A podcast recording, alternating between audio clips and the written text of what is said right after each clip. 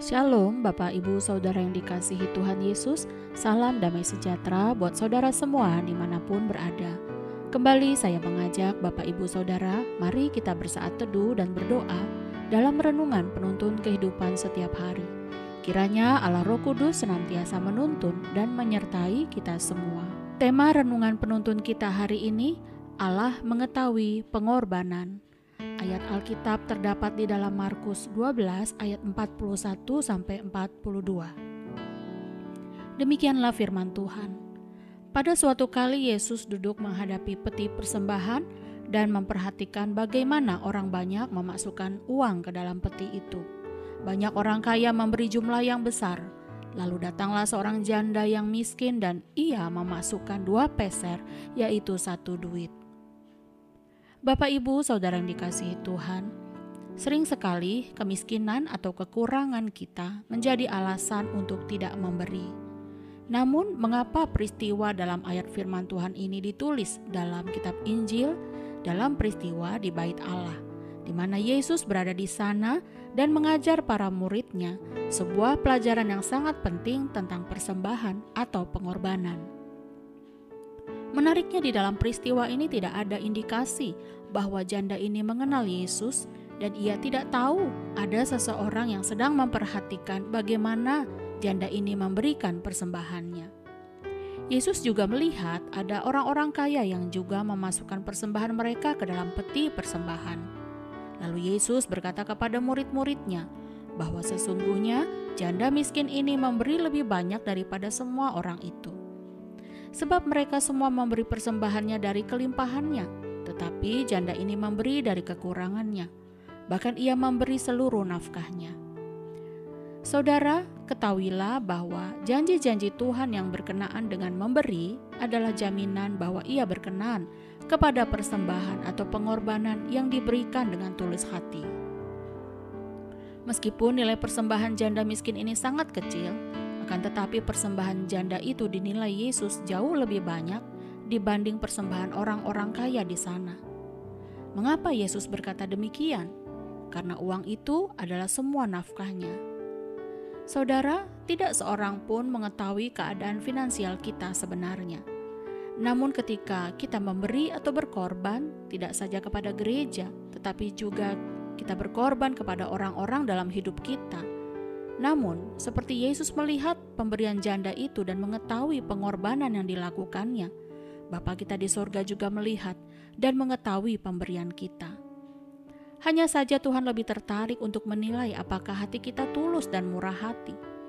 Persoalannya, kita sering kali terjebak dalam pemikiran seperti orang-orang yang perhitungan dengan Tuhan, dengan mengambil ayat firman Tuhan yang menabur sedikit menuai sedikit, sedangkan yang menabur banyak menuai banyak sehingga kita berlomba-lomba untuk memberi yang terbesar agar Tuhan juga memberkati kita lebih besar.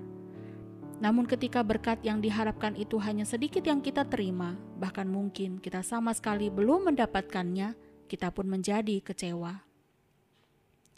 Kekecewaan kita tidak saja diperuntukkan kepada Tuhan, tetapi juga ditujukan kepada gereja. Sayang sekali, ketika kita sudah merasa berjasa kepada gereja Tuhan, dengan persembahan kita atau pengorbanan kita, namun akhirnya kita kecewa karena kita merasa belum diberkati oleh Tuhan, atau ketika kita sudah banyak berkorban materi atau harta kita kepada orang lain yang kita bantu, namun ketika orang tersebut tidak menghargai jasa kita atau tidak berterima kasih kepada kita, kita pun kecewa dan menyesal. Tetapi tahukah saudara bahwa kita harus percaya bahwa Tuhan memperhatikan persembahan kita? Tuhan memperhatikan pengorbanan kita, terlebih kalau disertai dengan hati yang berkenan di hadapan Tuhan. Baik itu kita berikan buat pekerjaan Tuhan maupun kepada sesama. Sebab segala berkat yang kita terima berasal daripada Dia, Pencipta langit dan bumi, dan kita juga tidak boleh lupa bahwa sesungguhnya sebagai manusia kita adalah orang-orang yang selalu berhutang budi kepada Tuhan. Hutang kita kepada Tuhan tidak akan pernah terbayar karena kita memang tidak mampu membalas semua kebaikannya. Bapak, ibu, saudara yang dikasih Tuhan, sebenarnya mengapa kita harus memberi dengan hati yang berkenan seperti yang diinginkan Yesus? Pertama, memberi adalah bentuk ekspresi penyembahan dan bukti penyerahan kita kepada Tuhan. Kedua, memberi adalah bentuk ucapan syukur atas berkat yang diberikan oleh Tuhan Yesus Kristus dan merupakan kesempatan bagi kita untuk percaya kepada janji pemeliharaannya. Dan ketiga, memberi adalah cara agar kita tidak terikat kepada mamon, yang artinya agar kita tidak cinta uang, tidak mencintai dunia lebih daripada Tuhan. Di akhir renungan hari ini, apa yang telah kita persembahkan untuk memuliakan Tuhan, saudara? Apa yang sudah kita berikan bagi gereja, dan apa yang telah kita lakukan bagi sesama? Tuhan tidak pernah mengukur persembahan atau pengorbanan kita dengan jumlah, tetapi biarlah setiap kali kita memberi persembahan, kita memberi kesempatan kepada Tuhan untuk memberkati kita berlipat kali ganda. Amin. Mari kita berdoa. Bapa di sorga, kami sungguh bersyukur melalui firman-Mu hari ini yang kembali mengingatkan bahwa sesungguhnya Engkau tidaklah terpesona dengan besarnya persembahan kami, namun hanyalah dari hati kami yang Engkau perhatikan. Apakah kami tulus ketika memberi, dan apakah kami terpaksa ketika menabur? Tuhan, ajar kami untuk memberi dengan ketulusan hati yang Engkau inginkan, dengan mengingat banyak hal yang Engkau perbuat dalam hidup kami, namun kami tidak dapat membalas semuanya itu kecuali kami melakukannya dengan hati yang berkenan di hadapan-Mu. Di dalam nama Tuhan Yesus kami berdoa. Amin.